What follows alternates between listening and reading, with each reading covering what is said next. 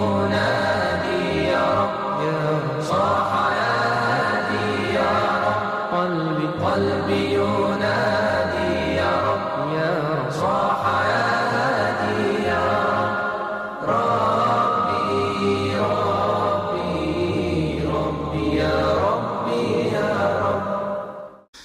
بسم الله الرحمن الرحيم الحمد لله رب العالمين وصلى الله وسلم وبارك على نبينا محمد وعلى آله وأصحابه ومن تبعهم بإحسان إلى يوم الدين Uz Allahu Đalla Vala dozvolu nastavljamo se družiti sa Allahom knjigom Kur'an i Kerimom. Za večeras, kako ste obaviješteni, imamo komentar, tefsir, tumačenje sure El Buruđ. Učili smo, čuli smo kako ona glasi, čuli smo otprilike njen prijevod. Ponovo bih zamolio koliko ste u mogućnosti oni koji dolaze, ako imaju prijevod sa sobom da ponesu. Dakle, oni koji iz određenih razloga neće da uče, barem da prate, jer ponekada u prijevodu bude određenih propusta, pa dobro je da se ispravi. Sura Al-Buruđ, prije samo komentara nekoliko jeli, podataka, 85. je kuranska sura. U Kur'anu imamo 114 sura. Prva sura je sura Al-Fatiha, zadnja sura je sura An-Nas, 114. Dakle, na 85. mjestu nalazi se sura Al-Buruđ. Prije nje dolazi sura El-Inšiqaq, a poslije nje dolazi sura, dakle gledajući od sura El-Fatiha prema kraju, poslije nje dolazi sura El-Tariq, koju smo imali priliku slušati prošli puta. Kao što vidimo, sastoji se iz 22 ajeta. U ta 22 ajeta nalazi se 109 riječi i 465 harfova. Dakle, po hadisu Allahovog poslanika, alihi salatu wasalam, ko prouči jedan harf, ima jedno dobro dijelo koje se vrednuje 10 puta, odnosno ima 10 cevapa, ko prouči suru El Buruđ, pravilno i prije svega iskreno radi Allaha subhanahu wa ta'ala kao što čujete 465 harfova, dakle 4000, 4650 dobrih dijela. Po redoslijedu objave, dakle čuli smo 85. je po redoslijedu kuranskih sura, po redoslijedu objave je 27. sura. Dakle, kako su poslaniku alihi salatu sam počeli stizati ajeti i sure, Sura El Buruđ je objavljena 27. po redu. Prije sure El Buruđ objavljena je sura Ešems, dakle objavljena je sura El Buruđ između sura Ešems i sure Etin, odnosno Etin i Zajtun. Zašto nije smještena između njih? Između njih ču, čućemo, već je smještena između sure El Inšiqaq i sure Et Tariq. Što se tiče njenog imena, dakle u mushafima, kao što vidimo suretul buruđ stoji el buruđ. I većini tefsira čak dakle tefsira stoji ime el buruđ. I dobila je to ime po istoj riječi koja se spominje u prvom ajetu was-sama'i zatil buruđ kod nas je prevedeno ovo ime sazvježđe. Vidjet ćemo. U sunnetu se nalazi još jedno njeno ime a to je cijeli prvi ajet. Wasama idhatil buruđ. Wasama idhatil buruđ u hadisu Džabira ibn Semure radijallahu ta'alan u kojem se spominje šta je poslanik alaihi salatu wasalam učio na podne i kindi namazu koje sure, jer poslanik alaihi salatu wasalam, to je dakle od sunneta kada čovjek uči čak i podne i namaz, dakle namaze, podne namaz i kindiju namaz, dakle namaze koji su dnevni, na kojima se ne uči glasno, od sunneta je da se ponekada malo poviši glas. Poslanik alihi salatu sam bi to činio, pa su ashabi mogli da razaznaju koje je to on učio sure i na tim namazima na kojima se ne uči na glas. Pa u hadisu Džabira ibn Semure se spominje da je vjerovjesnik alihi salatu sam na podne na kindi namazu učio vossema i dhatil buruđ na prvom rekatu, a na drugom vossema i vattarik. Svi komentatori se slažu da je sura Mekanska, budući da je 27. Dakle, rano, rano objavljena, ona je Mekanska sura i od Abdullaha ibn Abbasa radijallahu anhuma se prenosi da je rekao sura Osema i Zatil Buruđ je objavljena u Mekki. Prošli puta sam rekao šta je glavni cilj ove sure. Svaka sura ima mnogo ciljeva i mnogo poruka i pouka. Međutim, glavni cilj ove sure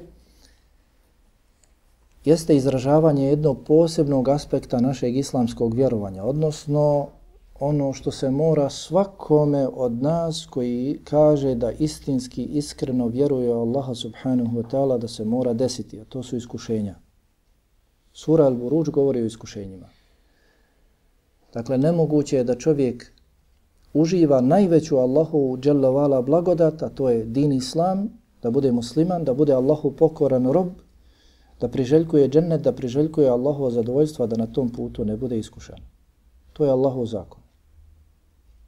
Ko bude iskušan većim iskušenjima pa se strpi, njega kod Allaha čekaju i veći stepeni, veće nagrade. Dakle, ova sura, sura El Buruđ, govori o podnošenju žrtve zarad Allahove subhanahu wa ta'ala vjere. Podnošenje iskušenja. Istrajnost u tim iskušenjima, strpljenje na njima. Zatim sura govori o mnogo čemu drugome, ima dakle i druge ciljeve da ukaže vrijednost vjernika kod Allaha subhanahu wa ta'ala, da ukaže zbog čega to nevjernici ne prijateljuju prema vjernicima nekakav dunjalučki interes ili dakle nešto, nešto drugo. Kako je ova sura El Buruđ povezana sa prethodnom surom El Inšiqaq? Kako reko, nalazi se sad između sure Al-Inshiqaq i sure At-Tarik, a objavljeno je, na, objavljeno je nakon sure Šems. Objavljena je nakon sure Šems. Međutim, nije stavljena poslije sure Šems. Sura Šems dolazi kasnije mnogo. Već je stavljena nakon sure Al-Inshiqaq. A kao što nam je poznato, kada je Kur'an, Mushaf, kada je kompletiran, onda je došla naredba od Allaha subhanahu wa ta'ala i bilo je govoreno gdje koji ajet, gdje koja sura da se smjesti. A u Kur'anu je sve s mudrošću prije svega objavljeno, a zatim i smješteno. Pa zasigurno dakle da postoji neka mudrost zbog čega je sura El Burud stavljena nakon sure El Inšiqaq. Prije svega, dakle, sura El Inšiqaq, sura El Buruđ, sura Et Tarik, Dakle, i također sura Infitar otpočinju sa spomenom nebesa. Was-sama, ides sama i slično. Tako da pojedini komentatori ove četiri sure, suru El-Infitar, suru El-Inšiqaq, suru El-Buruđ i suru El-Tarik nazivaju sure Semavat. Sure Semavat. Jer dakle otpočinju sa ili zakletvom sa nebom, da se Allah dželevala zaklinje nebom, ili dakle spominje se šta će se desiti sa nebom kada nastupi sudnji, sudnji dan. Pa dakle, sura El Inšiqaq otpočela je sa spomenom neba i također sura El Buruđ je otpočeta sa spomenom neba. I sve ove četiri sure, dakle, jedna za drugom, na takav način od, o, dakle, otpočinju. Zatim, oba dvije sure, i sura El Inšiqaq i sura El Buruđ, donose lijepo obećanje vjernicima, dakle obećanje o lijepoj nagradi vjernicima i prijetnju, prijetnju nevjernicima. Zatim u suri Al-Inshiqaq Allah subhanahu wa ta'ala kaže da on dobro poznaje ono što nevjernici kriju u svojim prsima. Kada kaže Wallahu a'lamu bima yu'un Allah najbolje zna, Allah dobro zna, on najbolje od svih zna ono što nevjernici kriju u svojim, svojim prsima sure i Inšikak i sura El Buruđ, oba dvije ove sure su mekanske sure. U sure El Inšikak Allah subhanahu wa ta'ala obraća se poslaniku Muhammedu alihi salocam i kaže da on najbolje zna ono što nevjernici Mekke mnogobožci prije svega, a zatim i svi kasnije nevjernici nose u svojim prsima od neprijateljstva, od želje da završe jedan put sa vjernicima, jer im smeta iman, ništa drugo, smeta im vjera. Mogu sve drugo podnijeti, samo ne mogu podnijeti vjere. Do juče je bio Emin, je li tako? I kada je oslobodio Meku, onda je bio plemeniti sin plemenitoga. Između toga, između toga bilo je vječito neprijateljstvo. Između toga bilo je vječito neprijateljstvo. Smeta im. Pa Allah subhanahu wa ta'ala kaže da on dobro zna ono što nevjernici nose u svojim prsima. Ono, evo, pa mi vrati. Evo, pa mi vrati. Kad završi. E, Allah subhanahu wa ta'ala dobro zna.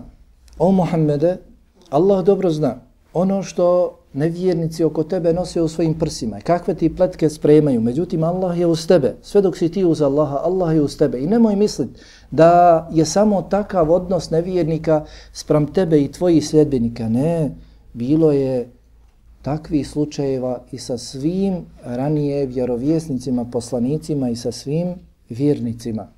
Pa zato nakon ove činjenice koju Allah subhanahu wa ta'ala spominje u suri El Inšiqaq, da Allah dobro poznaje spletke nevjernika u Mekki, tadašnjih mnogobožaca i da će Allah subhanahu wa ta'ala odbiti te spletke, da će pomoći vjernicima, spominje Allah subhanahu wa ta'ala šta se dešavalo, kakva su iskušenja, na kakva su iskušenja nailazili i ranije vjernici, da time o da time bodri svoga poslanika i vjernike koji su, koji su uz njega. Nećete naći na mnogo mjesta da Allah subhanahu wa ta'ala spominje iskušenja vjernica, iskušenja na koje su nailazile vjernice, kao što spominje se u ovoj suri u suri El Buruđ. Jer sura El Buruđ, kako ste čuli, je mekanska sura i došla je da podstakne vjernike, tadašnje vjernike Mekke da ustraju iskušenjima. Pa se spominje innal ladine fetanul mu'minine wal mu'minat. Hm, nećete naći na mnogim, na drugim mjestima u Kur'anu ovako. Oni koji su stavljali na iskušenje vjernike i vjernice, a poznato nam je da u Mekki vjernice su i kako bile stavljanje na iskušenja. Naprotiv, prva žena, prva, prvi šehid u Mekke je bila žena. Prvi od sljedbenika poslanika Muhammeda sallallahu alaihi sallam koji je ubijen je bila žena, Sumeja. Pa ova sura Al-Buruž dolazi dakle da ih podstakne da ustraju u tim iskušenjima. I u ovoj suri ne spominje se, ali se spominje u sunnetu, vjerodostojnom hadisu, dakle događaj povodom o kojem govori ova sura Al-Buruđ. I u toj suri se spominje ko? Na kraju, u, u, u tom događaju se spominje ko? Spominje se žena, je tako? Spominje se žena, čućemo ako Bog da. Tako dakle da su to veze između ove sure El-Buruđ i prethodne sure, sure El-Inšiqaq. I sura El-Buruđ je jedna od rijetkih sura koja cijelom svojom sadržinom govori o jednom događaju. Većina sura ima više tema. Međutim, sura El Buruđ, slično kao sura Jusuf, govori o jednom događaju. Dakle, svi ajeti koji su došli, otprilike direktno ili indirektno, govore o tom događaju. O Jusufu i njegovom djetinstvu. Tako i sura El Buruđ govori Dakle, i ajeti koji dolaze, zakletve koje dolaze, jeli, govore sve o tom događaju i poslije, jeli, ajeti koji dolaze nakon spomena tog, tog događaja. Čuli smo, dakle, da se prenosi od Džabra ibn Semore, da je poslanik Alihi Salocam ovu suru i suru Tarik učio na podne i kindi namazu. Možda čujete, možda čujete hadis kojeg zabilježio imam Ahmed, da je poslanik Alihi Salocam suru El Buruđ učio na jaci i da je oporučio da se uči na jaci, međutim, dakle, taj hadis je slab taj hadis je slab, slabog lanca prenosilaca U lancu prenosilaca ima osoba jeli, koja je tekako sporna. Dakle, Allah subhanahu wa ta'ala nakon bismille s kojom je odvojio ovu suru, suru El Buruđ, od sure El Inšiqaq, kaže وَالسَّمَاءِ ذَاتِ الْبُرُوجِ وَالسَّمَاءِ Zatil Buruč. Allah subhanahu wa Do juče je bio Emin, je li tako? Wassama i Zatil Buruč. Tako mi... Zatil Buruč. Wassama i Zatil Buruč. Allah subhanahu wa Do juče je bio Emin, je li tako? Wassama i Zatil Buruč. Neće. Tako mi Zatil Buruč i kada je oslo...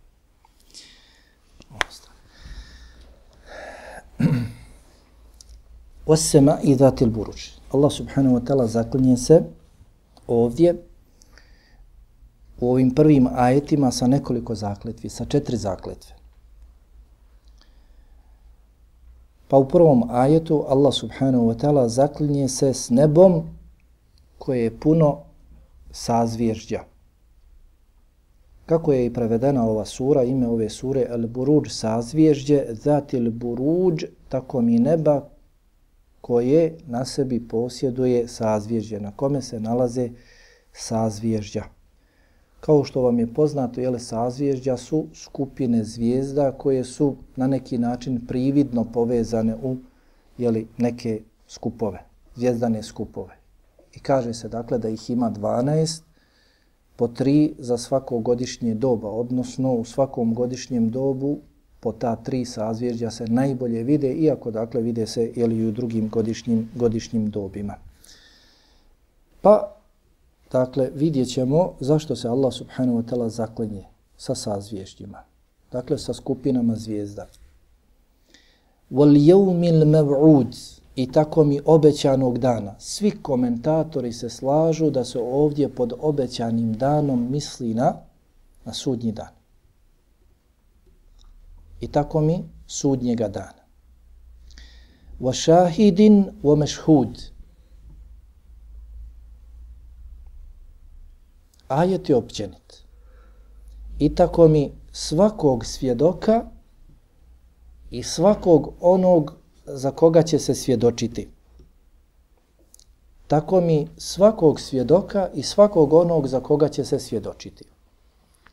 Ajet je općenit, kako kažu komentatori. I može da se misli na svakog svjedoka. Prije svega na najvećeg svjedoka. Allaha Jalla Zatim, ko su još svjedoci? Meleki. Zatim, ko su još svjedoci? Zemlja po kojoj hodimo. Zatim, ko su još svjedoci? Ljudi s kojima živimo. Zatim, zatim, zatim, na kraju mi sami bit ćemo svjedoci za sebe ili, ili protiv sebe. Isto tako mešhud, riječ mešhud, dakle ona iza koga se svjedoči je općenita riječ. I može dakle da ima više značenja Ona za koga se svjedoči ili situacija također kažu kada, kada ovi svjedoci svjedoče. Pa prije svega mešhud ima značenje ljudi također. Dakle, onih za koje ili protiv kojih će se svjedočiti. Allah najbolje zna wa shahid wa mashhud najpreče znanje, iako je e, najpreče značenje, iako je ajet općenit i može da ima sva ova značenja, kako kaže šejh Muhammed ibn Salih Husaymin, koliko ajet može da obuhvata više značenja, onda ga treba takvog i prihvatiti. Ovdje pod šahid i mešhud se misli dakle na one koji su svjedočili ubistvu vjernika onih koji će se kasnije spomenuti u ovoj suri. Ovaj ajet nagovještava, dakle, kazivanje. U kojem Allah subhanahu wa ta'ala kratko govori. Jer kaže, wa šahidinu قُتِلَ أَصْحَابُ kutila. Nakon toga prelazi na one koji su kopali rovove i rovove ispunjavali vatrom i svim onim što vatru rasplamsava i oni koji su sjedili oko tih rovova i koji su naređivali prije svega kopanje i pripremanje svega toga koji su tražili da se dovedu vjernici, ispitivali, provjeravali hoće li ostaviti svoju vjeru ili neće, oni koji bi ostavljali svoju vjeru, a braćo, nismo svjesni kakve blagodati uživamo. I ne možemo se Allahu dželle na zahvaljivati u prethodnim narodima. Dakle, prije poslanika Muhammeda alihi salocam nije bilo dozvoljeno da kažeš riječi nevjerstva da spasiš svoj život. Od njih koji bi rekao riječi nevjerstva u prethodnim narodima bio bi nevjernik. Gotovo je.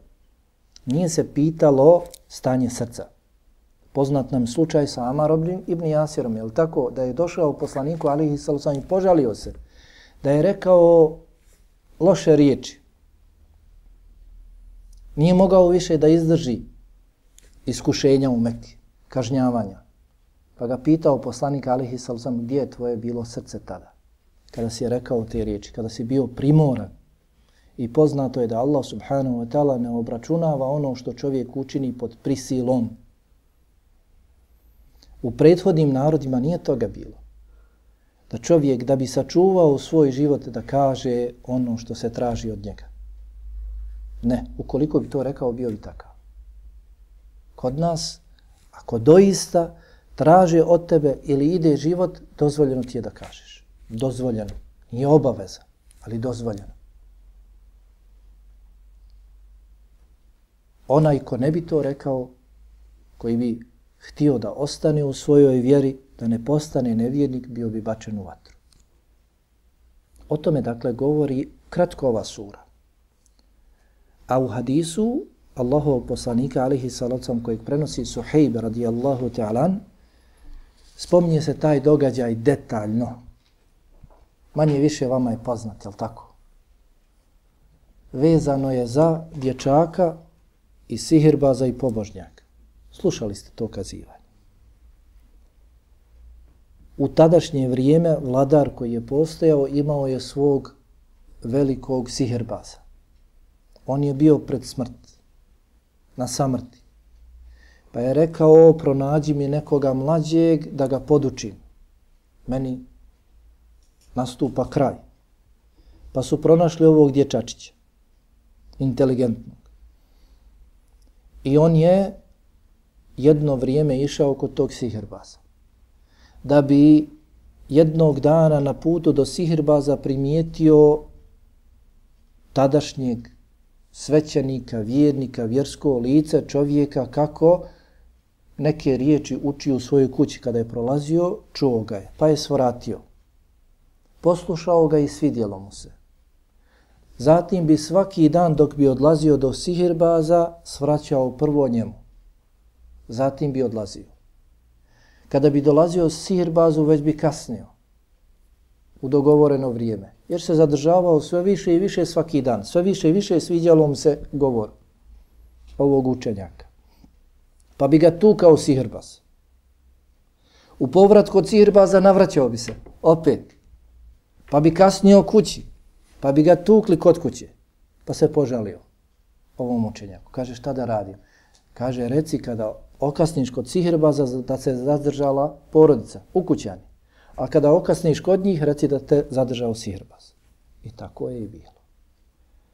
Jednog dana na putu do sihirbaza, na tom putu kojim je išao on i svi drugi, ispriječila se, tako se spominje hadis vjerodostojan, ispriječila se velika životinja. Nije htjela nikako da ode. Pa je dječak uzeo kamen i kaže, sad ću da ja ispitam da provjerim ko je Allahu draži, ko je bolji. Kome da se posvetim? Jednog moram ostaviti. Ne mogu oba dvojicu.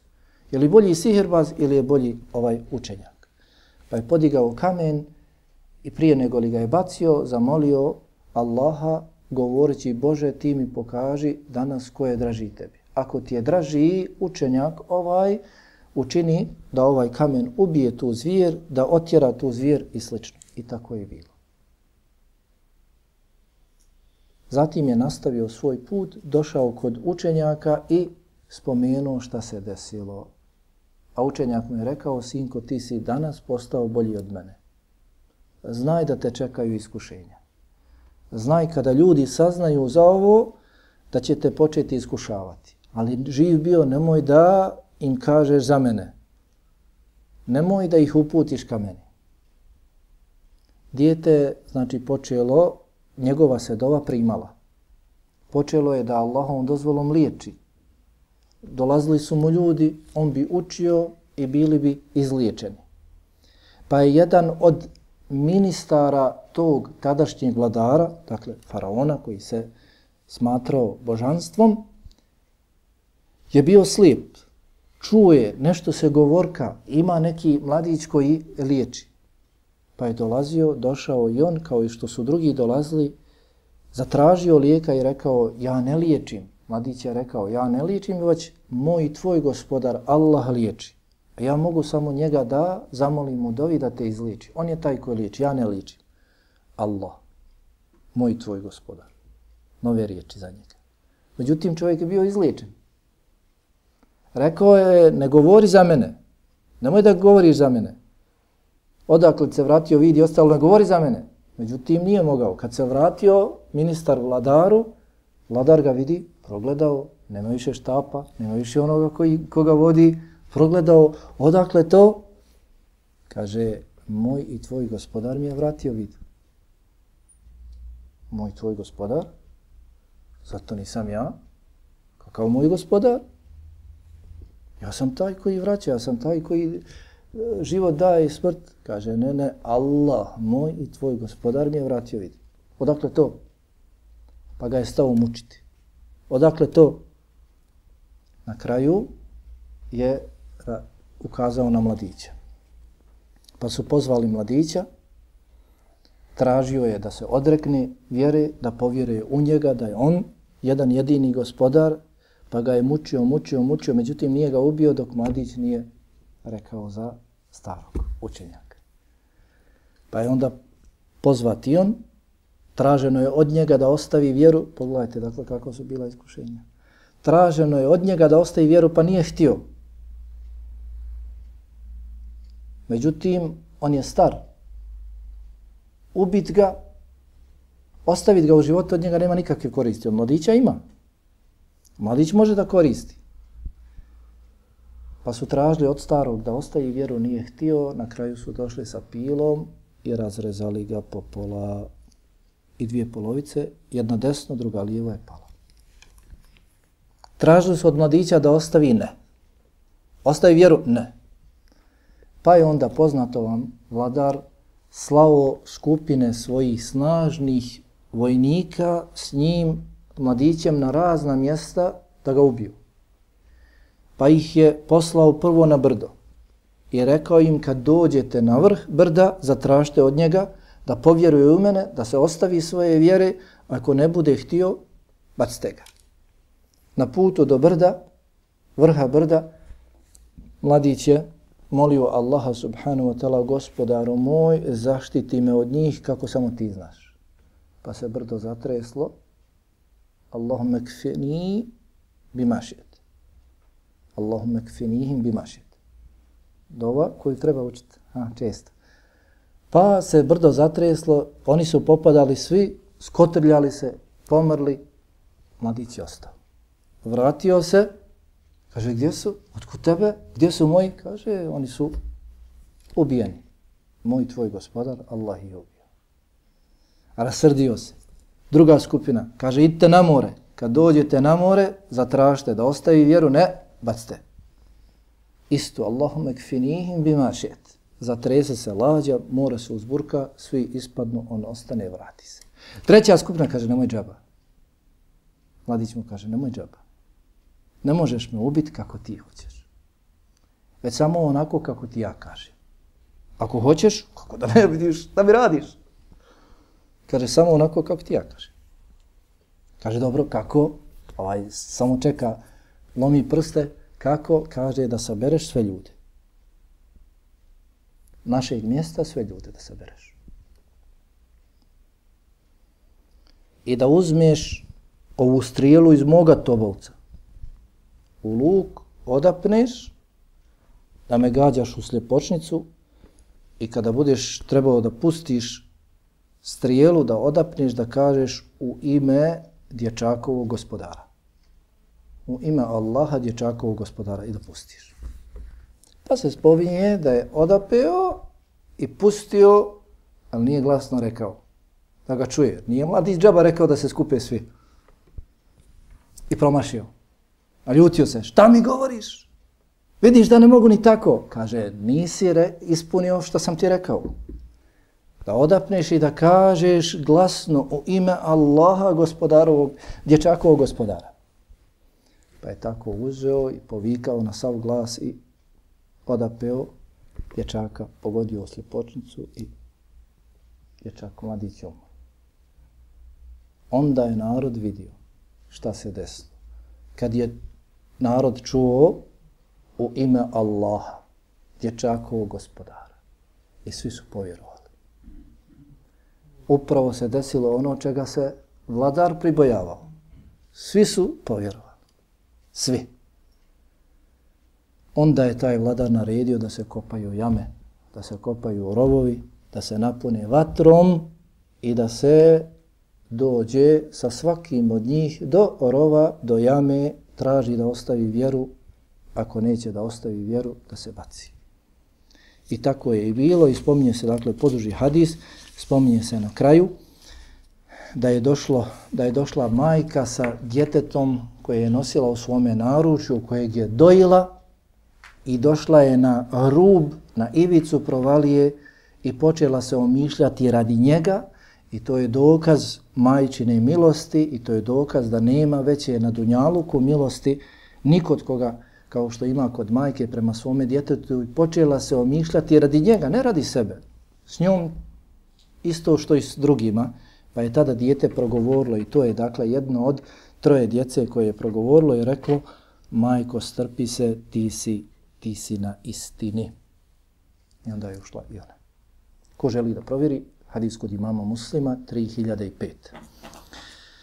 Dakle, Allah subhanahu wa ta'ala o tome dalje govori u ovoj suri, suri El-Buruč. I zbog ovoga je Allah subhanahu wa ta'ala došao sa surom El-Buruđ u mekanskom periodu, objavio. Da kaže poslaniku Muhammedu sallallahu alaihi wa sallam i prije tebe bilo je poslanika, vjernika koji su iskušavani. Pogledaj šta je bilo sa ovim, sa ovim narodom. Šta se desilo s njim, zbog, s, njim, s tim narodom zbog njihove vjere. Ni zbog čega drugoga. To što tebe i nekolicinu vjernika u Mekki na takav način uznemiravaju, iskušavaju, pa čak i ubijaju neke tvoje sledbenike, poslušaj šta se desilo sa jednim cijelim narodom. Pa kaže Allah subhanahu wa ta'ala u četvrtom ajetu kutile ashabul uhdud. Kutile ashabul uhdud, dakle prokleti bili, ubijeni bili, doslan prijevod je ubijeni bili, međutim ima značenje kutile, prokleti prokleti bili drugovi uhdud. Uhdud su rovovi, jame. Dakle, drugovi, oni koji su na bilo koji način vezani za te jame. Allah subhanahu wa ta'ala sad će u, u ovim kasnijim ajetima spomenuti sve koji su na neki način bili vezani za te jame. Oni koji su kopali, oni koji su vatrom ispunili te jame, oni koji su sjedili pored i smijavali se sa onim, dakle nikakve samilosti, nikakve, milo, nikakve milostivosti nisu imali prema vjernicima koji su se bacali u, u vatru. Kažu komentatori, kad Allah kaže ovako, prokleti bili, ili, jeli, kutile, na ovakav način, kad Allah kaže prokleti, kažu da to ima značenje propisa, za koga Allah kaže da je proklet, on je proklet. Dok kada čovjek kaže, onda je to dova. Onda moli Allaha da ga prokune. Ali kad Allah kaže prokleti bili, onda se spušta propis na tu osobu. I Allah najbolje zna, za takvu osobu nema popravka. Allah najbolje zna. Vidjet ćemo doće ovdje ajet, Allah najbolje zna na koga se on misli budući da je sura mekanska, moguće da Allah subhanahu wa ta'ala ovim ajetom išarati na, na vi, nevjernike Mekke. Hm, čućemo. Uglavnom kažu komentatori, kada Allah kaže prokleti bili, onda je to propis. Izdaje se propis za onoga za koga Allah subhanahu wa ta'ala kaže da je proklet. Ko? Kaže, en nari dhati levaqud. Oni koji su vatrom i svim s čime se vatra rasplamsava. Vakud jeste gorivo. Vakud jeste gorivo. Dakle, ono s čime se vatra rasplamsava. Razjaruje. Koji su punili vatrom te rovove. Zatim kaže, idhum aliha kuud. I oni koji su oko nje sjedili, oko tih rovova, oko te vatre koji su sjedili. A to su dakle bili ovi poglavari vladar i njegova svita, koji su sjedili. Jedni su kopali, punili vatrom, drugi su dovodili vjernike, a ovi su sjedili pored njih, pored rovova, pored vatre. Idhum alejha qu'ud, wa hum ala ma yaf'alun bil mu'minina shuhud. Ha, evo dakle. I onome što se radilo s vjernicima oni su bili svjedoci. Allah kaže evo šahidinu mašhud i tako mi svjedoka i onoga zašto se svjedoči. Ovdje Allah subhanahu wa ta'ala kaže da su oni bili svjedoci onoga što se radilo sa, sa vjernicima. Dakle, dok su se spaljivali vjernici, sve su to pratili bez imalo milosti, imalo, imalo sažaljenja. Kaže Allah, وَمَا نَقَمُوا مِنْهُمْ إِلَّا أَنْ يُؤْمِنُوا بِاللَّهِ الْعَزِيزِ الْحَمِيدِ A nisu ih ubijali. Nisu, im, nisu ih uznemiravali, kažnjavali, illa, osim. Dakle, ne bi ih kažnjavali da nije ovog razloga. Da nije ovog povoda, sebeba. Znači, sigurno ne bi nevjernici neprijateljevali prema drugima da nije ovoga razloga. Illa, izuzima se. Kad se kaže la ilaha illa Allah. Nema Boga osim Allaha. Dakle, nema, ne postoji osim Allaha. Nema istinskog Boga, dostrog obžanja osim Allah. Tako se ovdje kaže.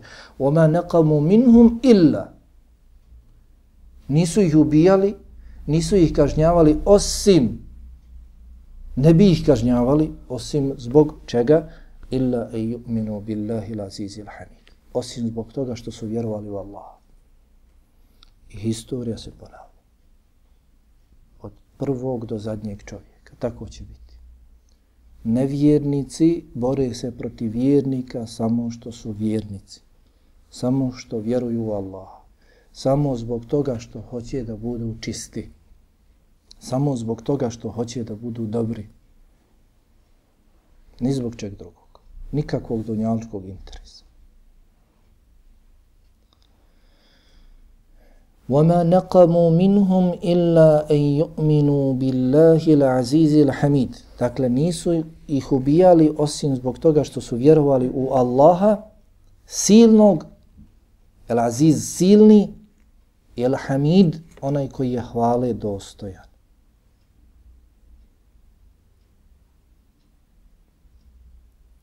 Često ovako Allah subhanahu wa ta'ala završava kuranske ajete sa dva imena koja su na očigled suprotnog značenja. Allah govori o čemu? O ubijanju njegovih sljedbenika, njegovih vjernika i kaže El Aziz, silni. I kaže El Hamid, onaj koji je hvale dostojan. Zašto Allah kaže El Aziz, a njegovi vjernici se ubijaju?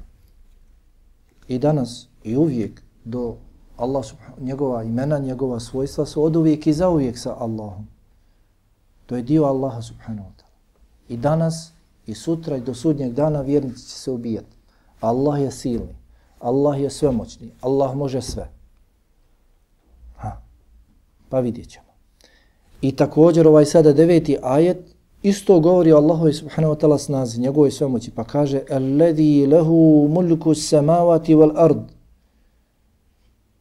Nisu ubijali osim zbog toga što su vjerovali u Allaha silnog i hvale dostojnog onoga kome pripada sve na nebesima i na zemlji. On vlada svim i nebesima i zemljom. Wallahu ala kulli shay'in shahid. Eh, ovaj dio pojašnjava. A Allah je svjedok svemu. Allah sve vidi. Šta se dešava? Kako znati iskušenje ili kazna da je? Dešavaju nam se nedaće, problemi, tegobe, iskušenja. Jesu li to iskušenja ili su kazne? Kako znati da je nešto iskušenje, a nije kazna? Kako da tražim izlaz iz tog iskušenja? Je li to iskušenje ili je kazna? Hm? Kako raspoznati šta je iskušenje, šta je kazna?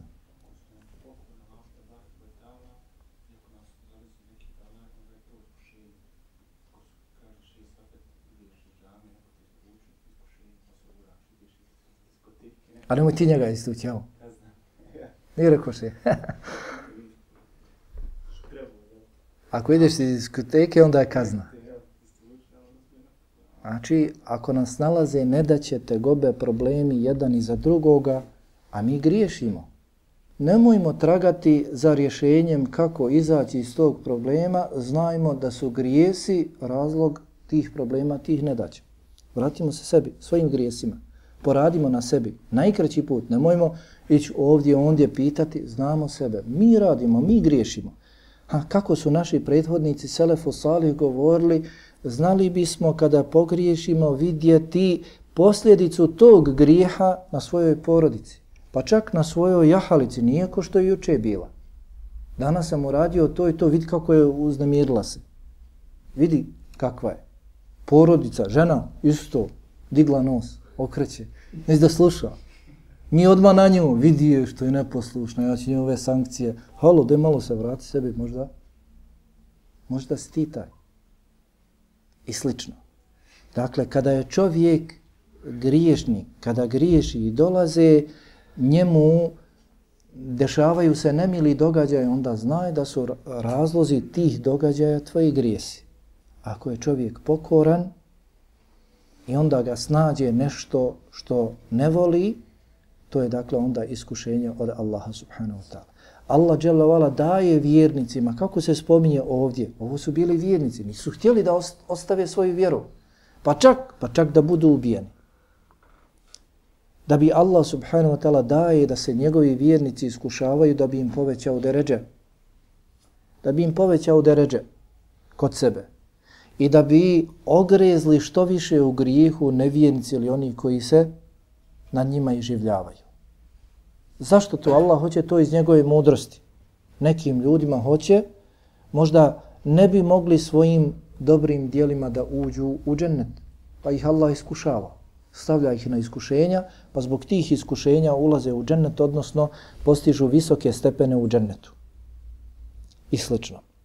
Da vidimo dakle nekoliko poruka iz ovoga, iz ovoga što je prethodilo. Vidimo dakle da su nevjernici, zulumčari, prokleti od Allaha subhanahu, subhanahu wa ta'ala. Konkretno oni koji se spominju u ovom događaju, da, Dakle, oni koji su kopali rove, oni koji su rovove punili vatrom, oni koji su sjedili oko te vatre, oni koji su naložili dovođenje vjernika i smijavali se sa onim što se dešavalo sa vjernicima, oni su prokleti od Allaha subhanahu wa ta'ala. Vidimo, dakle, ovdje u ovoj suri se spominje kažnjavanje vatrom. Kažnjavanje vatrom. Spominju se brojni roji, spominju, spominje se vatra, vatrom kažnjava samo gospodar vatre niko drugi. Zato Allah subhanahu wa ta'ala će spomenuti da oni koji se ne budu pokajali da će njih Allah kazniti žestokom vatrom na drugome svijetu. Allah je taj koji kažnjava vatrom. I vjernik ne smije nikoga kažnjavati, nikoga kažnjavati vatrom. Kada se spominju ovi rovovi, njih je bilo mnogo i u njima se nalazila jaka, velika, dakle razjarena vatra u koju su se danima i noćima bacali ljudi. Ti rovovi su noću svijetlili nebesima kao što nebesa puna sazvježdja svijetli nama. To je dakle veza zašto je Allah subhanahu wa ta'ala otpočeo vasema i zatil buruđ, tako mi neba punog sazvježdja koje svijetli stanovnicima zemlje Isto tako, dakle, u ovom kazivanju se spominju rovovi koji su bili toliko užareni vatrom, u njima se nalazila vatra da su i oni svijetli prema, prema gore. Vidimo, dakle, iz ovih kuranskih ajeta kolika je žestina nevjernika i njihovog neprijateljstva prema vjernicima. I nemojmo se zavarati. Nemojmo se zavarati. nas ujeda stotinu puta iz iste rupe, ali trebamo podvući nekad crtu i reći nema više. Nevjernik ti ne želi dobro. Ako ti želi, želi radi nekog interesa. Čim ispuni taj interes, gotovo, opet se vraća na svoje nevjerstvo i svoje neprijateljstvo prema tebi. Budi siguran. Vratite se na onaj hadis o hijđri, ili kojeg sam komentarisao skoro svake godine, Aisha radijallahu hadis od Aisha radijallahu ta'ala kod imama Buharije. mislim 3905. Tamo se to dobro spominje. Zatim vidimo, dakle, kakvi su nevjernici. I to vidimo i danas, ono što se dešava sa muslimanima u Burmi, sa rohinjama i slično, koji se spaljuju na sličan način. Drugi uživaju u tome.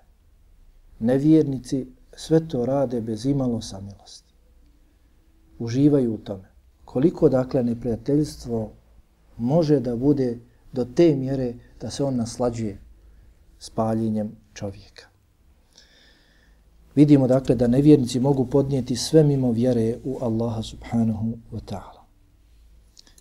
Ovo bitno da podvučemo to što Allah dozvoljava nevjernicima da se iživljavaju nad vjernicima, to nije dokaz slabosti, nemoći, neznanja, već puštanje, davanje vremena nevjernicima da što više ogreznu u grijesima i dakle stavljanje vjernika na visoke na visoka iskušenja da bi zadobili kod Allaha visoke visoke dereče.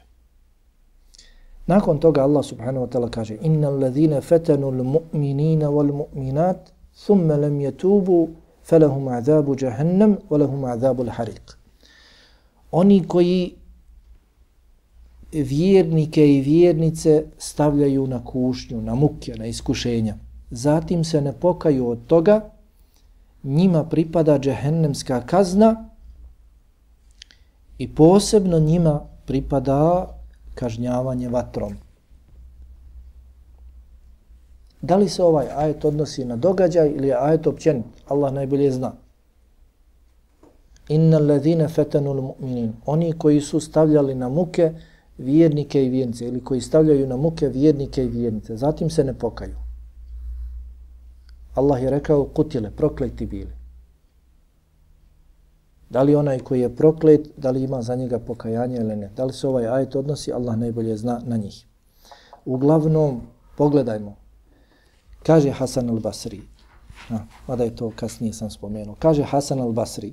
Pogledajte ovu Allahovu dobrotu i plemenitost. Nevjernici, neprijatelji ubijaju njegove vjernike, vjernike u Allaha subhanahu wa ta'ala. I on ih opet poziva pokajte se.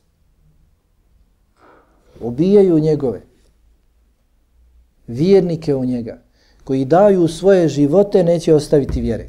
Ovi ih ubijaju na takav način i na najgori način. Evo, spaljuju. I Allah ih poziva, pokajte se. Koliko je Allah dobar, plemen. Iz toga možemo mi zaključiti, spomenuo sam poruku kasnije, bolan zato kada pogriješiš, nemoj da misliš da ti Allah neće oprostiti kakav god grijeh da pogriješiš, učiniš, zamoliš Allaha, znaj da će ti Allah oprostiti. Kada poziva ovakve da se ostave, da se pokaju, da se vrate, Allah će, ih, Allah će im primiti pokajanje. Zatim govori o vjernicima innal ladhina amanu wa amilu salihati lahum jannatun tajri min tahtiha al-anhar zalika al-fawz al-kabir. A oni koji budu vjerovali i dobra djela činili. Oni koji budu čvrsto vjerovali u svojim srcima, to vjerovanje obznanjivali svojim jezikom i činili dobra djela, dobrim djelima dokazivali to vjerovanje, zašto je ovdje rečeno oni koji budu vjerovali i činili dobra djela. Jesu li dobra djela odvojena od imana ovdje? Kako biste vi razumjeli? Da ne znate kako je ispravno mišljenje, ha? kada čitate innal ladina amanu wa amilus salihat, ha? oni koji budu vjerovali i dobra djela činili.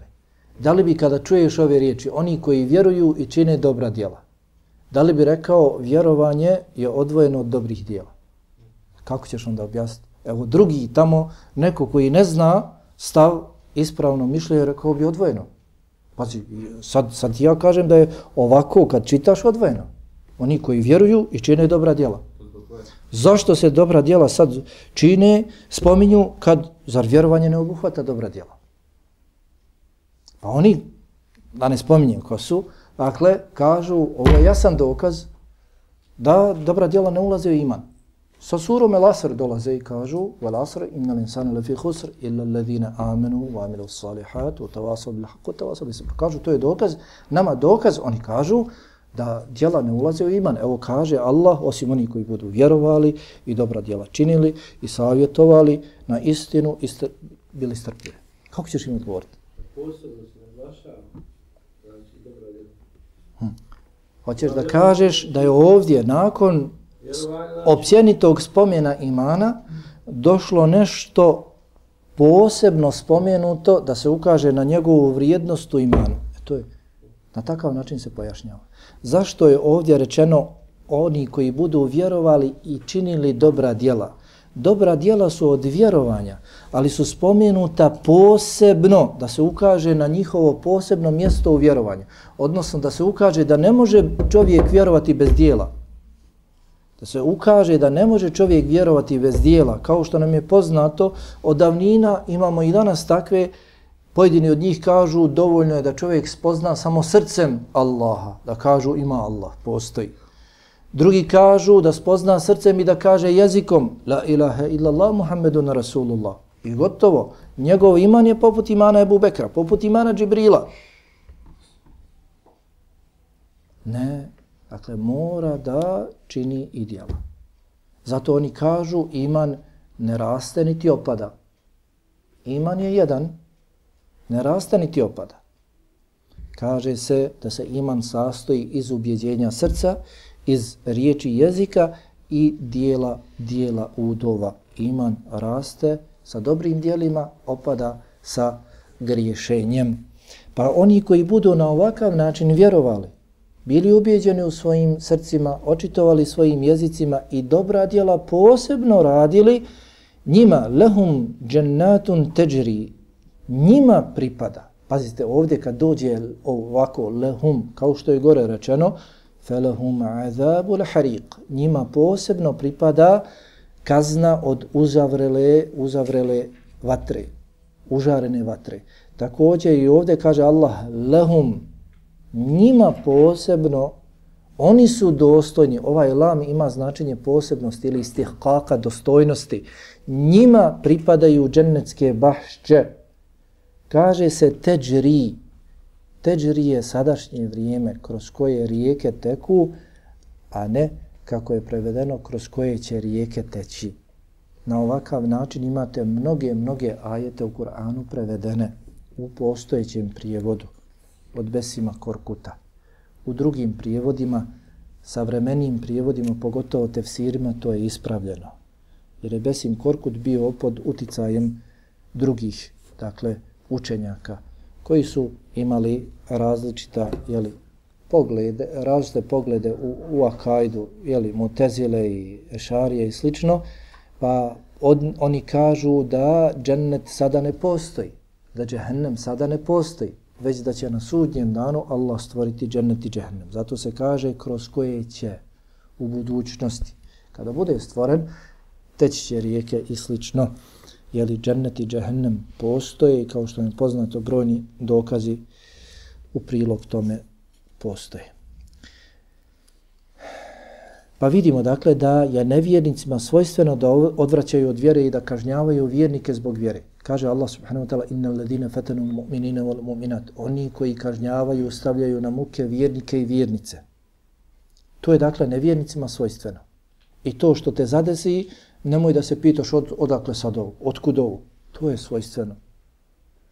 Oni moraju na bilo koji način da nas uznemiravaju, da im se puste uzde, da rade što god hoće, najviše bi voljeli da nas nema.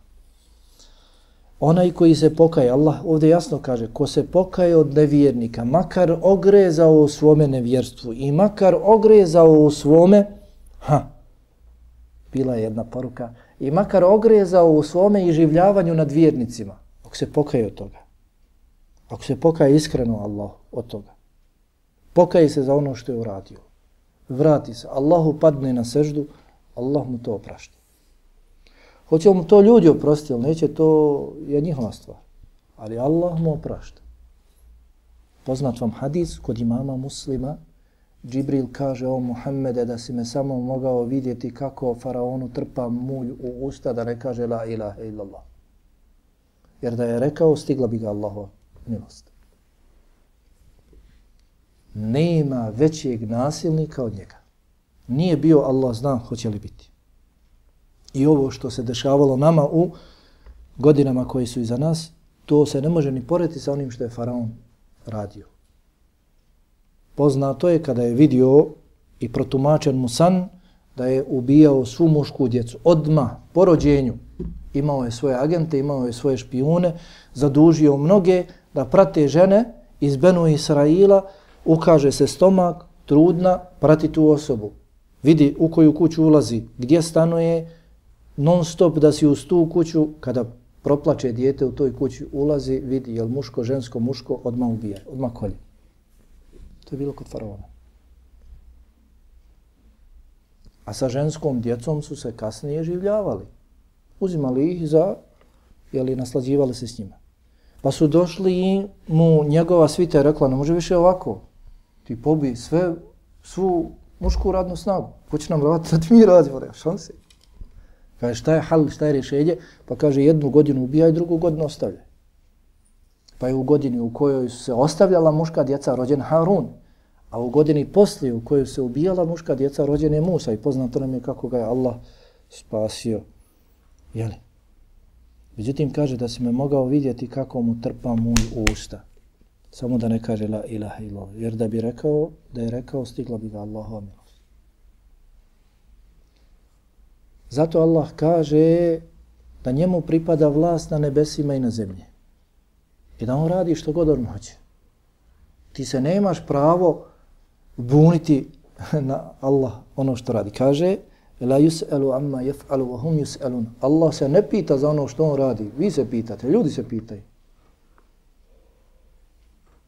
Njemu pripada vlast na nebesima i na zemlji. On radi što on hoće. Zatim vidimo da iskrena tauba briše svaki prethodni grijeh. Kao što ulazak u islam briše ono što je prethodilo. Ulazak u islam briše ono što je prethodilo. Sura je mekanska i time se također je li Allah obraća mušricima, mnogobošcima, ako se ostave čak, dakle, oni koji su ubijali.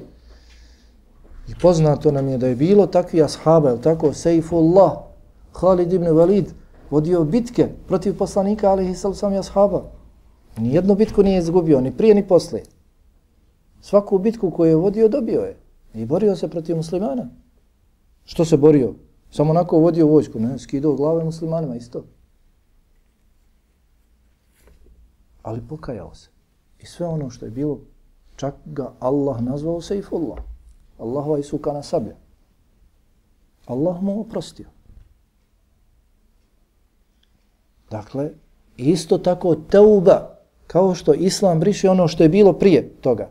I iskrena teuba, iskreno pokajanje Allahu briše ono što je bilo prije toga. Sad mi ljudi smo posebni, šta ćeš? Možda nama nije učinio grije i mi njemu nećemo da oprostimo. Pazi, on činio Allahu grije. Bavio se ovim ili onim. Alkoholom, drogom, prostitucijom. Allahu se pokajao, mi njemu ne damo svoju blizinu. Bježi od nas. Pa on se pokajao, ostavio. Nije tebi ubio nikoga. Nije učinio sa nekom tvojom bližnjom ništa. Ti njega ne želiš u svoju blizinu. Odbacuješ ga. On se pokajao Allahu. Allahu činio grijehe. Pokajao se, Allah mu oprostio, treba da ga prihvatimo u svoju sredinu. Ako ga odbaciš od sebe, samo očekuj da bude gori. Neće biti bolji, sigurno. Ako je društvo, naše društvo, jeli, vjerničko, mu'minsko. Zatim vidimo da svi koji budu vjerovali i činili dobra djela da će ući u džennet i spominju se dobra djela, dakle nema ulaska u džennet bez dobrih djela, nema, moje srce je čisto, ja nikome ne mislim zlo, ja sam dobar musliman, ostaviti to sebi. Valja činiti dobra djela. Moazim Džebel kaže, obavijesti me o djelu koje će me uvesti u džennet i udalji me, udaljiti me od džehennema, pa mu spominje pet temelja Islama. Šehadet, namaz, poz, zekat, hađ. Kaže, hoću u džennet i da budem udaljen od džehennema. Jasan hadis. Jasno. Hoćeš da uđeš u džennet, moraš da klanjaš. Moraš da postiš i ostalo. Zatim Allah subhanahu wa ta'ala kaže inne batša rabbike lešedid doista odmazda odnosno kazna tvoga gospodara kažnjavanje tvoga gospodara je žestoko. Dakle, Allah kad kažnjava sigurno će dakle kazniti, sigurno će uzvratiti zulumčarima žestoko. Innehu huve yubdi uve yu'id. On je taj koji prvi put stvara i ponovo će stvoriti po jednom tumačenju po tumačenju jednih komentatora. Ibn Abbas radijallahu anhuma kaže da ovaj ajet se odnosi na ove nevjernike koji kažnjavaju vjernike, koji uznemiravaju vjernike, zlostavljaju vjernike, pa kaže innehu huwa yubdiu wa yu'id. Allah će ih kazniti prvi puta na dunjaluku i drugi puta na ahiretu. Ibn Abbas radijallahu anhuma kaže Allah će se osvetiti za svoje vjernike vjernike u njega i na dunjaluku, nevjernicima i na ahiretu. وَهُوَ الْغَفُورُ الْوَدُودُ Pogledajmo, dakle u svim ovim ajetima, većini ajeta se spominje da Allah prašta. Pa kaže وَهُوَ الْغَفُورُ On je onaj koji mnogo prašta. El-Vedud, onaj koji voli. Pa El-Gafur, Allaho lijepo ime, odnosi se na nevjernike. Ostavte se toga što činite. Povjerujte u Allaha, Allah je El-Gafur, oprostit će. Ali isto tako Allah el vedud, onaj koji mnogo voli svoje robove, ako se ne ostavite uznemiravanja njegovih robova, a njih Allah mnogo voli, znajte da će vas Allah kazniti. Znajte da će vas Allah kazniti, da je njegova kazna žestoka. Zul aršil međid, on je vlasnik arša. Zul aršil međidu, on, Allah subhanahu wa ta'ala, kome pripada sav ugled, sav ponos, on je vlasnik arša, fa'alu lima yurid i on radi ono što je njemu volja. Dakle, nemojte se vjernice ljutiti. On je al-gafur. Ako neko od nevjernika koji su se iživljavali do juče nad vama, pokaje se, povjeruju Allaha subhanahu wa ta'ala, Allah će mu oprostiti. Kao što i nevjernici nemaju osnove da se ljute i da prigovaraju Allahu zašto tako postupa, zašto ih snalazi takva smrt i ostalo, ha? jer Allah voli svoje vjernike. On je el vedud. I Allah radi dakle ono što je ono što je njemu, njemu volja. Zatim, ha, Allah subhanahu wa ta'ala navodi poslaniku Muhammedu alihi salatu wasalam i mnogobožcima Mekke nakon toga da će se sigurno desiti s njima ovo što se desilo sa drugojima rovova. Kako? Spomnije Allah dva naroda također koje je uništio. Prvi narod koji je uništio i zadnji narod koji je uništio. Koji su najbliži njima, Arapima. Po mjestu i po vremenu. Pa kaže, hel etake hadithul džunud. Je li ti o Muhammede I svima onima koji čuju ove riječi, je li ti došla vijest o vojskama? Kakvim vojskama? One koje je Allah uništio. Firaune o Samud. Faraonu i njegovoj vojsci i Samudu i njegovoj vojsci. Samud je geografski najbliži Arapima, narod Samud. A Faraon je najbliži Arapima po poslaniku Musavu. Allah je uništio prvi narod Semud i zadnji narod koji je uništen u tolikom, tolikom velikom broju jeste Faraon i njegova vojska. Dakle, Allah sigurno uništava. Allah sigurno kažnjava nevjernike koji se na takav način odnose prema njegovim vjernicima. Koji neće da vjeruju prije svega u Allaha, koji su objesni, koji su oholi, koji e, neprijateljuju prema vjernicima. Zbog njihove vjere Allah je uništio i prvi narod Semud, uništio je i zadnji narod Faraona i njegovu vojsku i vas će bolati. Nemojte se izigravati. Ostavite se toga kažnjavanja, stavljanja vjernika na iskušenja, pokajte se, Allah će vam, Allah će vam oprostiti. Međutim, ha, kaže Allah, belil ledine keferu fi tekizib. Šta kaže? Ali ovi koji neće da vjeruju, tamo, prelijepo prevedeno. Ali ovi koji neće da vjeruju, ne, ali ovi koji ne vjeruju već oni koji neće da vjeruju, to poriču. Jer nema čovjeka da, da može ne vjerovati. Može samo ne htjeti vjerovati. Znači oni koji ne vjeruju, oni neće da vjeruju. Faraon, taj faraon koji se spominje, je u dubini svoje duše Allah, koji zna sve. I ono što na javu iznosimo, ono što krijemo u svojim dušama, Allah je rekao za njega da je bio duboko ubijeđen u svojoj duši da je Allah istina i da ono sa čime je došao Musa, da je istina. Hm?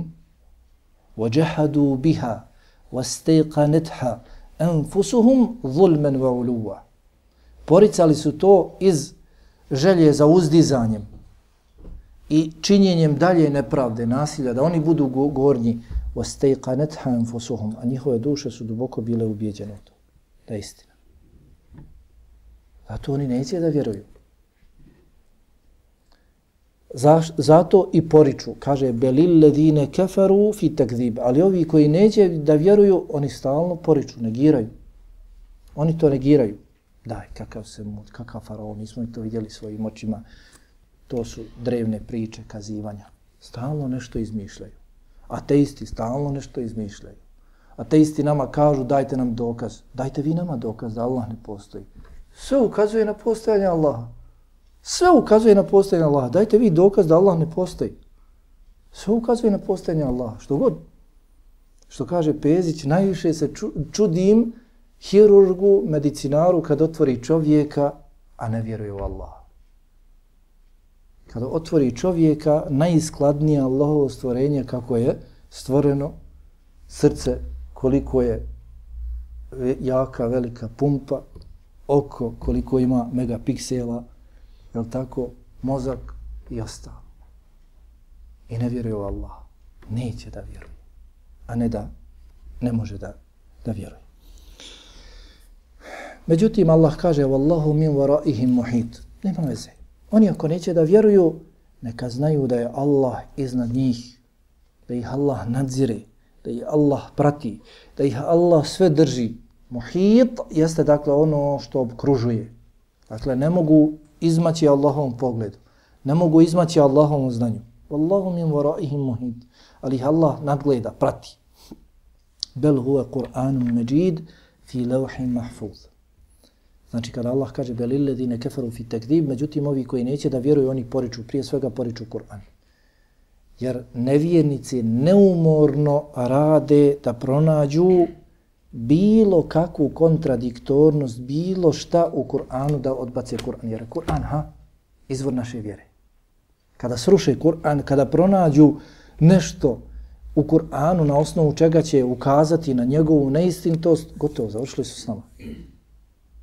Zato Allah ha, na početku svoje knjige kaže Alif Lamim, zalik al kitab, la rejbe fi.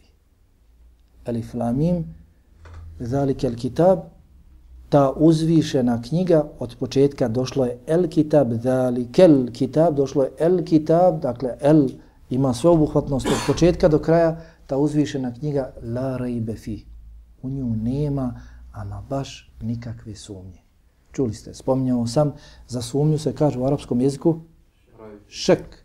Šek se kaže. Šek je osnovana sumnja, a rejb je neosnovana sumnja. Odnosno, kad se čovjek tjera da sumnja. Rejb je kad se čovjek tjera da sumnja. Da pronađe, pa Allah kaže nemojte džaba. Nema ni osnovani, ni neosnovani. Niste nas nikakve sumnje, nikakve kontradiktornosti u, u Kur'anu. Čuli ste, neko je spominjao taj događaj čovjeka koji je primio islam na osnovu našeg odnosa, vjerničkog odnosa sprem Kur'anom. Bio je prethodnih vjera pa je prepisivao njihove knjige i u njihove knjige bi dodao nešto od sebe oduzeo. I donosio bi po tri primjerka, donio bi jednima, oni su samo uzeli u biblioteku stavili. Došao je drugima, isto tako oduzeo, dodao i u svoju biblioteku dao, ništa nisu osvrnuli se nimalo. Došao je muslimanima, onima koji su prepisivali Kur'an i vodili brigu o Kur'anu i donio, on je prepisao Kur'an svojom rukom i u njega ubacio i oduzeo iz Kur'ana i dao tri primjerka. Kaže, oni su odmah uzeli nasto i počeli da čitaju. Ah, kaže, ovo je pravo, prava vjera. I kad su došli do prve greške, rekli su, ovo nije Kur'an, nositi ovo sa sobom. Tad sam vidio, dakle, šta je ispravna vjera i koliko ljudi drže do vjere.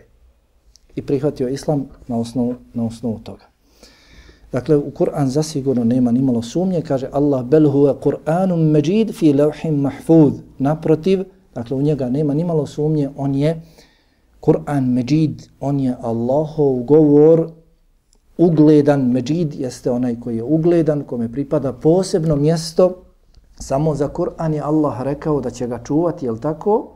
Inna nahnu nazelne dhikra wa inna lahu lahafizun. mi smo objavili ovaj zikr, ovaj govori, samo ćemo ga mi čuvati. Dakle, za prethodne knjige Allah to nije rekao. I poznato je da je Kur'an dokinuo sve prethodne objave. Nešto od njih potvrdio i to je od vjere. Naše vjere, ono što je Allah dželovala potvrdio od prethodnih vjera, to, dakle, u to vjerujemo. Kur'an je muhejmin, onaj koji je iznad svih drugih. Zato se kaže ovdje međid, onaj kome pripada ugled. I mi trebamo voditi računa da čuvamo taj ugled Kur'ana u svojim prsima, na svojim jezicima, u svojim dijelima i svojim životima. Fi lauhim mahfud koji se nalazi u ploči pomno čuvanoj. U leuhim mahfudu zabilježen je tu i na takav način se dakle čuva pomno. Ima mnogo poruka i pouka, ali dovoljno je bilo kroz komentar. Allaha dželle vala molim da nam omili govor o njegovoj knjizi i da nam pomogne da se družimo što je god moguće više sa njegovom knjigom, da je učimo, izučavamo, proučavamo, nastojimo svoj život uskladiti po njoj. Subhanakallahumma hamdika, shalla la ilaha illa anta, astaghfiruka wa atubu ilaik.